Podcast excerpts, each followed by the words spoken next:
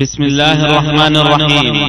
يسر شبكة الألوكة بالتعاون مع المكتبة المركزية للكتب الناطقة. أن تقدم لكم هذه المادة تفسير سورة البقرة لابن كثير. ولنبلونكم بشيء من الخوف والجوع ونقص من الأموال والأنفس والثمرات وبشر الصابرين. الذين إذا أصابتهم مصيبة قالوا إنا لله وإنا إليه راجعون. أولئك عليهم صلوات من ربهم ورحمة وأولئك هم المهتدون. أخبرنا تعالى أنه يبتلي عباده. أي يختبرهم ويمتحنهم كما قال تعالى ولنبلونكم حتى نعلم المجاهدين منكم والصابرين ونبلو أخباركم فتارة بالسراء وتارة بالضراء من خوف وجوع كما قال تعالى فأذاقها الله لباس الجوع والخوف فإن الجائع والخائف كل منهما يظهر, يظهر ذلك عليه ولهذا قال لباس الجوع والخوف وقال ها هنا بشيء من الخوف والجوع أي بقليل من ذلك ونقص من الأموال أي ذهاب بعضها والأنفس كموت الأصحاب والأقارب والأحباب والثمرات أي أي لا لا تغل الحدائق والمزارع كعادتها.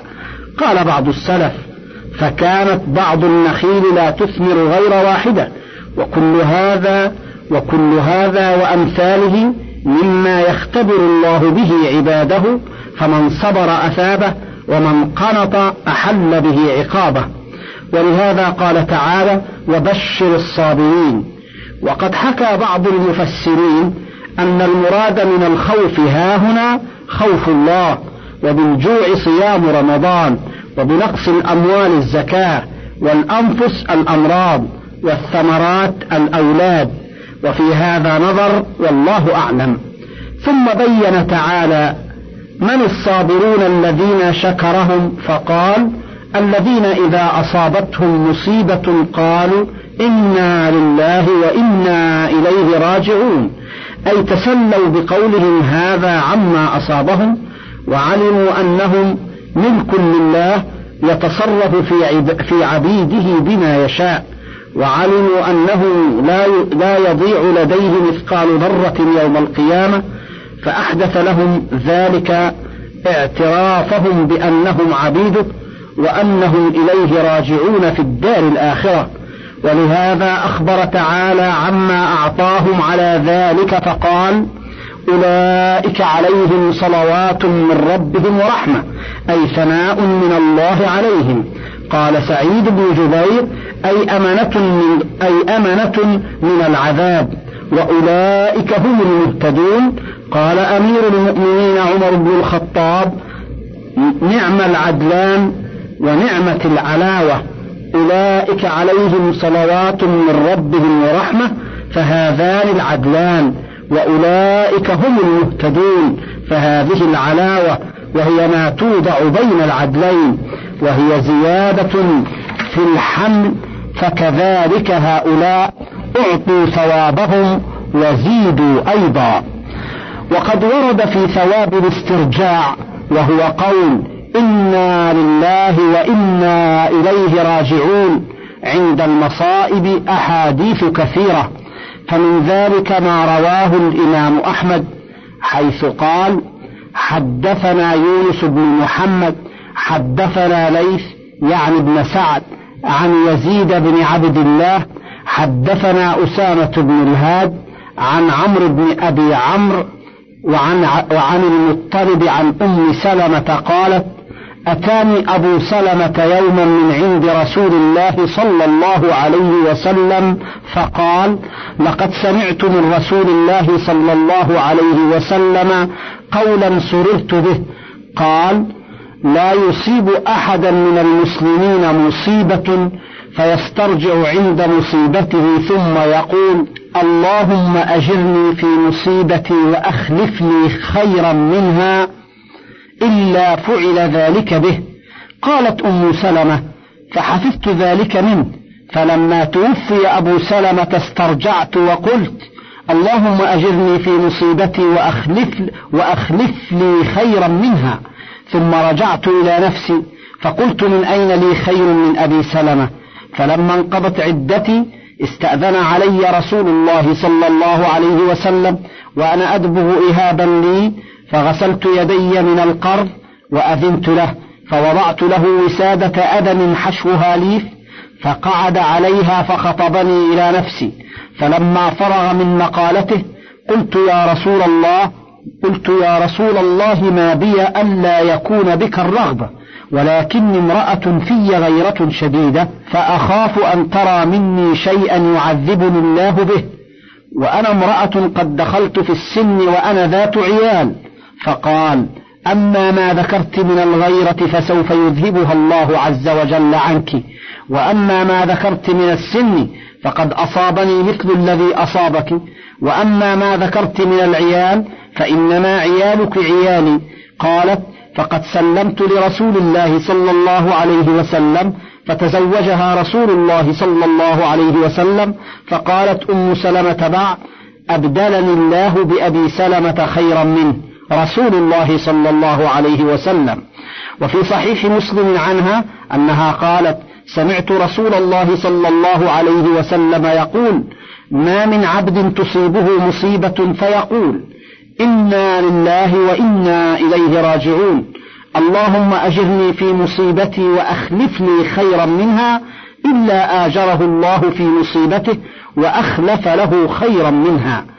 قالت فلما توفي أبو سلمة قلت كما أمرني رسول الله صلى الله عليه وسلم فأخلف الله لي خيرا منه رسول الله صلى الله عليه وسلم. وقال الإمام أحمد حدثنا يزيد وعباد بن عباد قال حدثنا هشام بن أبي هشام حدثنا عباد بن زياد عن أمه عن فاطمة ابنة الحسين عن أبيها الحسين بن علي عن النبي صلى الله عليه وسلم قال ما من مسلم ولا مسلمة يصاب بمصيبة فيذكرها وإن طال عهدها. وقال عباد قدم عهدها فيحدث لذلك استرجاعا إلا جدد الله له عند ذلك فأعطاه مثل أجرها يوم أصيب.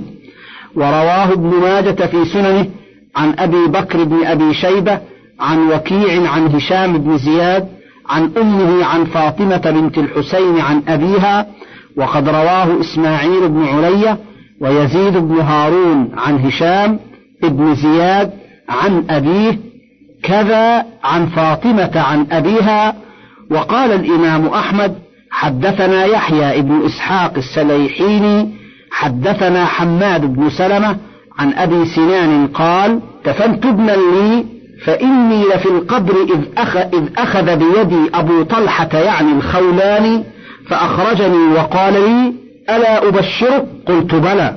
قال حدثني الضحاك بن عبد الرحمن بن عوزب عن أبي موسى قال قال رسول الله صلى الله عليه وسلم قال الله يا ملك الموت قبضت ولد عبدي قبضت قرة عينه وثمرة فؤاده. قال نعم. قال فما قال؟ قال حمدك واسترجع. قال ابنوا له بيتا في الجنة وسموه بيت الحمد. ثم رواه عن علي بن إسحاق عن عبد الله بن المبارك فذكره. وهكذا رواه الترمذي عن سويد بن نصر عن ابن المبارك به وقال حسن غريب واسم أبي سنان عيسى ابن سنان. إن الصفا والمروة من شعائر الله فمن حج البيت أو اعتمر فلا جناح عليه أن يطوف بهما ومن تطوع خيرا فإن الله شاكر عليم. قال الإمام أحمد حدثنا سليمان بن داود الهاشمي حدثنا إبراهيم بن سعد عن الزهري عن عروة عن عائشة قال قالت أرأيت قول الله تعالى إن الصفا والمروة من شعائر الله فمن حج البيت أو اعتمر فلا جناح عليه أن يطوف بهما. قلت فوالله ما على أحد جناح ألا يتطوف بهما.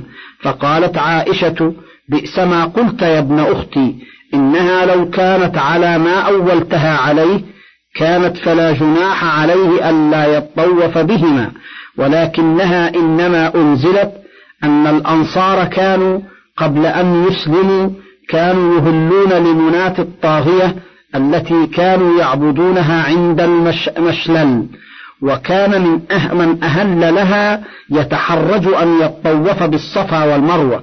فسألوا عن ذلك رسول الله صلى الله عليه وسلم فقالوا يا رسول الله إنا كنا نتحرج أن نطوف بالصفا والمروة في الجاهلية فأنزل الله عز وجل إن الصفا والمروة من شعائر الله فمن حج البيت أو اعتمر فلا جناح عليه أن يطوف بهما قالت عائشة ثم قد سن رسول الله صلى الله عليه وسلم الطواف بهما فليس لأحد أن يدع الطواف بهما أخرجاه في الصحيحين. وفي رواية عن الزهري أنه قال فحدثت بهذا الحديث أبا بكر بن ابن عبد الرح ابن عبد الرحمن بن الحارث بن هشام فقال إن هذا العلم ما كنت سمعته. ولقد سمعت رجالا من أهل العلم يقولون إن الناس إلا من ذكرت عائشة كانوا يقولون إن طوافنا بين هذين الحجرين من أمر الجاهلية وقال آخرون من الأنصار إنما أمرنا بالطواف للبيت ولم نؤمر بالطواف بين الصفا والمروة. فأنزل الله تعالى إن الصفا والمروة من شعائر الله. قال أبو بكر ابن عبد الرحمن فلعلها نزلت في هؤلاء وهؤلاء. ورواه البخاري من حديث مالك عن هشام بن عروة عن أبيه عن عائشة بنحو ما تقدم. ثم قال البخاري حدثنا محمد بن يوسف حدثنا سفيان عن عاصم بن سليمان قال سألت أنسا عن الصفا والمروة قال كنا نرى أنهما من أمر الجاهلية. فلما جاء الإسلام أمسكنا عنهما فأنزل الله عز وجل إن الصفا والمروة من شعائر الله. وذكر القرطبي في تفسيره عن ابن عباس قال كانت الشياطين تفرق بين الصفا والمروة الليل كله وكانت بينهما آلهة. فلما جاء الإسلام سألوا رسول الله صلى الله عليه وسلم عن الطواف بينهما فنزلت هذه الآية. وقال الشعبي كان إساف على الصفا وكانت نائلة على المروة وكانوا يستلمونهما فتحرجوا بعد الإسلام من الطواف بينهما فنزلت هذه الآية. وقال الشعبي كان إساف على الصفا وكانت نائلة على المروة وكانوا يستلمونهما فتحرجوا بعد الإسلام من الطواف بينهما فنزلت هذه الآية. قلت ذكر محمد بن إسحاق في كتاب السيرة أن إسافا ونائلة كانا بشرين فزنيا داخل الكعبة فمسخا حجرين فنصبتهما قريش تجاه الكعبة ليعتبر بهما الناس. فلما طال عهدهما عبدا ثم حولا إلى الصفا والمروة فنصبا هنالك فكان من طاف بالصفا والمروة يستلمهما. ولهذا يقول أبو طالب في قصيدته المشهورة وحيث ينيخ الأشعرون ركابهم لنفد السيول من إساف ونائل. وفي صحيح مسلم من حديث جابر الطويل وفيه أن رسول الله صلى الله عليه وسلم لما فرغ من طوافه بالبيت عاد إلى الركن فاستلمه ثم خرج من باب الصفا وهو يقول إن الصفا والمروة من شعائر الله. ثم قال ابدأ بما بدأ الله به. وفي رواية النسائي ابدأوا بما بدأ الله به.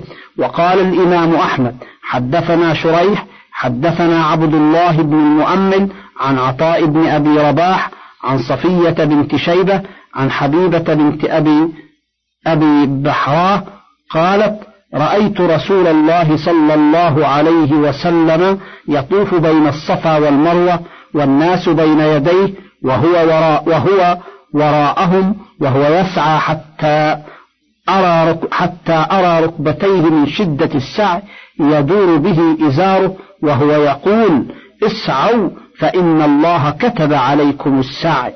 ثم رواه الإمام أحمد عن عبد الرزاق.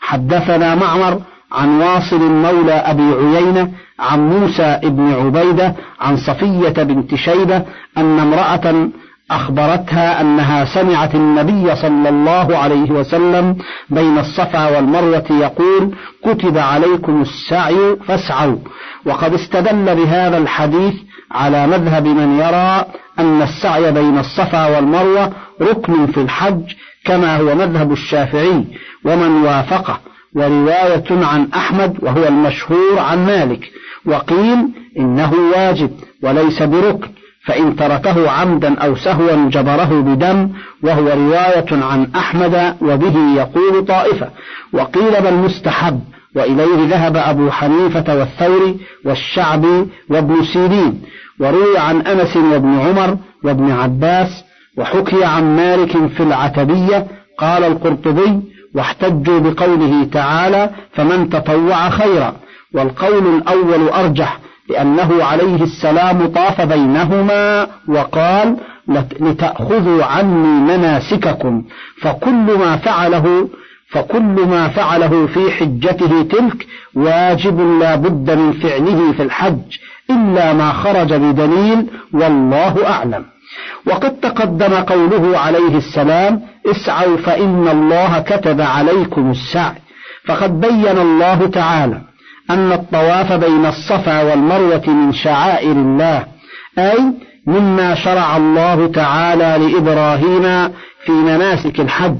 وقد تقدم في حديث ابن عباس أن أصل ذلك مأخوذ من طواف هاجر وتردادها بين الصفا والمروة في طلب الماء لولدها لما نفد ماؤهما وزادهما حين تركهما إبراهيم عليه السلام هنالك.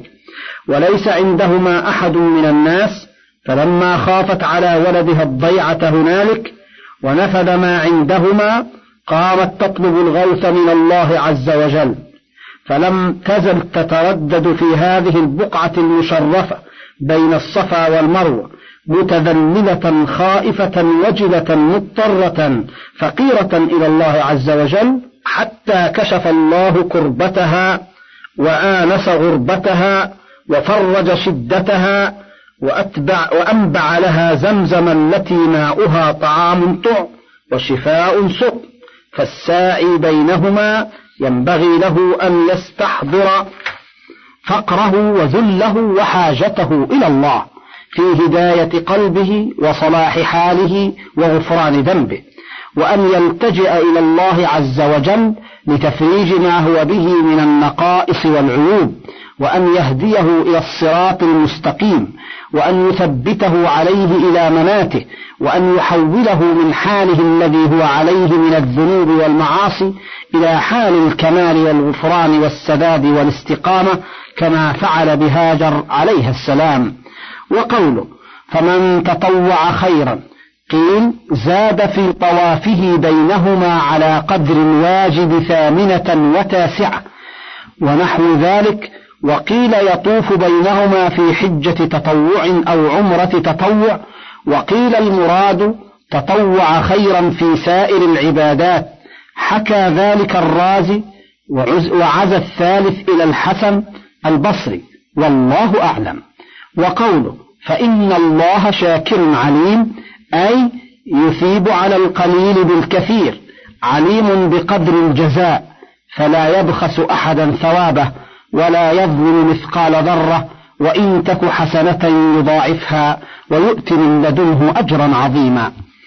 إن الذين يكتمون ما أنزلنا من البينات والهدى من بعد ما بيناه للناس في الكتاب أولئك يلعنهم الله ويلعنهم اللاعنون إلا الذين تابوا وأصلحوا وبينوا فأولئك أتوب عليهم وأنا التواب الرحيم إن الذين كفروا وماتوا وهم كفار أولئك عليهم لعنة الله والملائكة أولئك عليهم لعنة الله والملائكة والناس أجمعين خالدين فيها لا يخفف عنهم العذاب ولا هم ينظرون. هذا وعيد شديد لمن كتم ما جاءت به الرسل من الدلالات البينة على المقاصد الصحيحة والهدي النافع للقلوب من بعد ما بينه الله تعالى لعباده في كتبه التي أنزلها على رسله. قال أبو العالية نزلت في أهل الكتاب كتموا صفة محمد صلى الله عليه وسلم ثم أخبر أنهم يلعنهم كل شيء على صنيعهم ذلك. فكما أن العالم يستغفر له كل شيء حتى الحوت في الماء والطير في الهواء فهؤلاء بخلاف العلماء فيلعنهم الله ويلعنهم اللاعنون. وقد ورد في الحديث المسند من طرائق يشد بعضها بعضا عن أبي هريرة وغيره أن رسول الله صلى الله عليه وسلم قال من سئل عن علم فكتمه ألجم يوم القيامة بلجام من نار. والذي في الصحيح عن أبي هريرة أنه قال لولا آية في كتاب الله ما حدثت أحدا شيئا إن الذين يكتمون ما أنزلنا من البينات والهدى الآية. وقال ابن أبي حاتم حدثنا الحسن بن عرفة حدثنا عمار بن محمد عن ليث بن أبي سليم عن المنهال بن عمرو عن زاذان أبي عمرو عن البراء بن عازب قال كنا مع النبي صلى الله عليه وسلم في جنازة فقال إن الكافر يضرب ضربة بين عينيه يسمعها كل دابة غير الثقلين فتلعنه كل دابة سمعت صوته. فذلك قول الله تعالى أولئك يلعنهم الله ويلعنهم اللاعنون. يعني دواب الأرض ورواه ابن ماجة عن محمد بن الصباح عن عامر بن محمد به. وقال عطاء بن أبي رباح كل دابة والجن والإنس. وقال مجاهد إذا أجدبت الأرض قال البهائم هذا من أجل عصاة بني آدم. لعن الله عصاة بني آدم وقال أبو العالية والربيع بن أنس وقتادة ويلعنهم اللاعنون يعني تلعنهم الملائكة والمؤمنون. وقد جاء في الحديث أن العالم يستغفر له كل شيء حتى الحيتان في البحر. وجاء في هذه الآية أن كاتم العلم يلعنه الله والملائكة والناس أجمعون واللاعنون أيضا وهم كل فصيح وأعجمي إما بلسان المقال أو الحال أن لو كان له عقل أو يوم القيامة والله أعلم. ثم استثنى الله تعالى من هؤلاء من تاب إليه فقال إلا الذين تابوا وأصلحوا وبينوا. أي رجعوا عما كانوا فيه وأصلحوا أعمالهم وبينوا للناس ما كانوا يكتمون. فأولئك أتوب عليهم وأنا التواب الرحيم. وفي هذا دلالة على أن الداعية إلى كفر أو بدعة إذا تاب إلى الله تاب الله عليه. وقد ورد أن الأمم السابقة لم تكن التوبة تقبل من مثل هؤلاء منهم ولكن هذا من شريعة نبي التوبة ونبي الرحمة صلوات الله وسلامه عليه. ثم أخبر تعالى عمن كفر به واستمر به الحال إلى مماته بأن عليهم لعنة الله والملائكة والناس أجمعين خالدين فيها أي في اللعنة التابعة لهم إلى يوم القيامة ثم المصاحبة لهم في نار جهنم التي لا يخفف عنهم العذاب فيها أي لا ينقص عما هم فيه ولا هم ينظرون أي لا يغير عنهم ساعة واحدة ولا يفتر بل هو متواصل دائم فنعوذ بالله من ذلك. قال أبو العالية وقتادة إن الكافر يوقف يوم القيامة فيلعنه الله ثم تلعنه الملائكة ثم يلعنه الناس أجمعون. فصل. لا خلاف في جواز لعن الكفار وقد كان عمر بن الخطاب رضي الله عنه ومن بعده من الأئمة يلعنون الكفرة في القنوت وغيره. فأما الكافر المعين فقد ذهب جماعة من العلماء إلى أنه لا يلعن لأننا لا ندري بما يختم الله له واستدل بعضهم بالآية. إن الذين كفروا وماتوا وهم كفار أولئك عليهم لعنة الله والملائكة والناس أجمعين. وقالت طائفة أخرى بل يجوز لعن الكافر المعين. واختاره الفقيه أبو بكر بن العرب المالكي ولكنه احتج بحديث فيه ضعف واستدل غيره بقوله عليه السلام في قصة الذي كان يؤتى به سكرانا فيحد فقال رجل لعنه الله ما أكثر ما يؤتى به. فقال رسول الله صلى الله عليه وسلم لا تلعن فإنه يحب الله ورسوله. فدل على أن من لا يحب الله ورسوله يلعن والله أعلم. وإلهكم إله واحد لا إله إلا هو الرحمن الرحيم. يخبر تعالى عن تفرده بالإلهية وأنه لا شريك له ولا عديل له بل هو الله الواحد الأحد الفرد الصمد الذي لا إله إلا هو وأنه الرحمن الرحيم. وقد تقدم تفسير هذين الاسمين في أول الفاتحة وفي الحديث عن شهر بن حوشب عن أسماء بنت يزيد بن السكن عن رسول الله صلى الله عليه وسلم أنه قال اسم الله الأعظم في هاتين الآيتين وإلهكم إله واحد لا إله إلا هو الرحمن الرحيم وألف لام الله لا إله إلا هو الحي القيوم.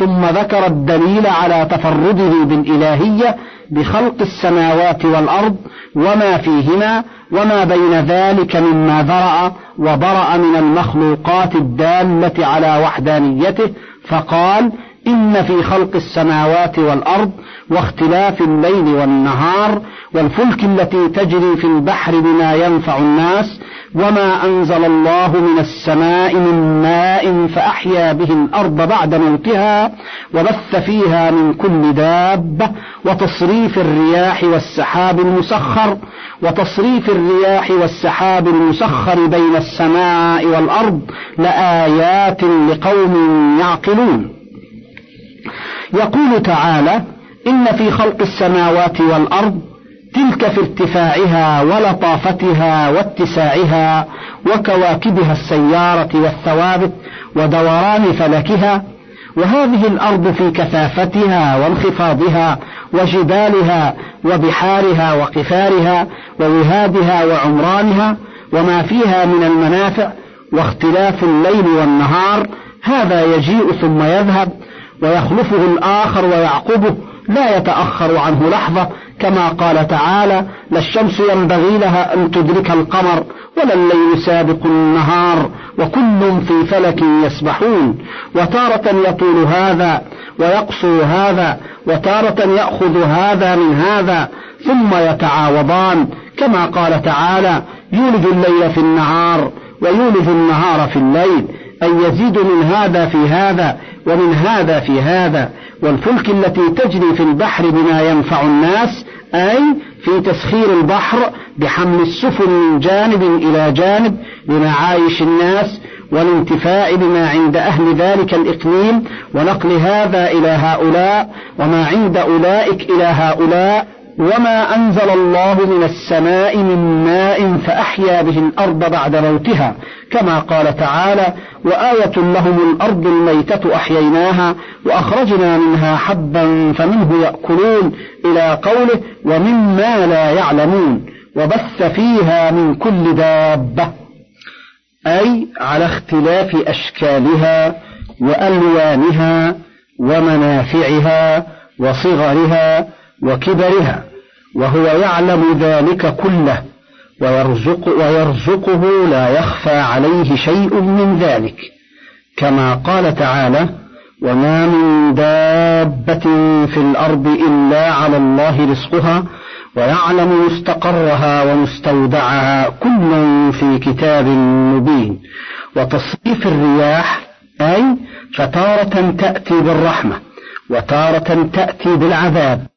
تارة تأتي مبشرة بين يدي السحاب وتارة تسوقه وتارة تجمعه وتارة وتارة تصرفه ثم تارة تأتي من الجنوب وهي الشامية وتارة تأتي من ناحية اليمن وتارة صبا وهي الشرقية التي تصدم وجه الكعبة وتارة دبورا وهي غربية تنفذ من ناحية دبر الكعبة. وقد صنف الناس في الرياح والمطر والأنواع كتبا كثيرة فيما يتعلق بلغات فيما يتعلق بلغاتها وأحكامها وبسط ذلك يطولها هنا والله أعلم. من فضلك تابع بقية المادة.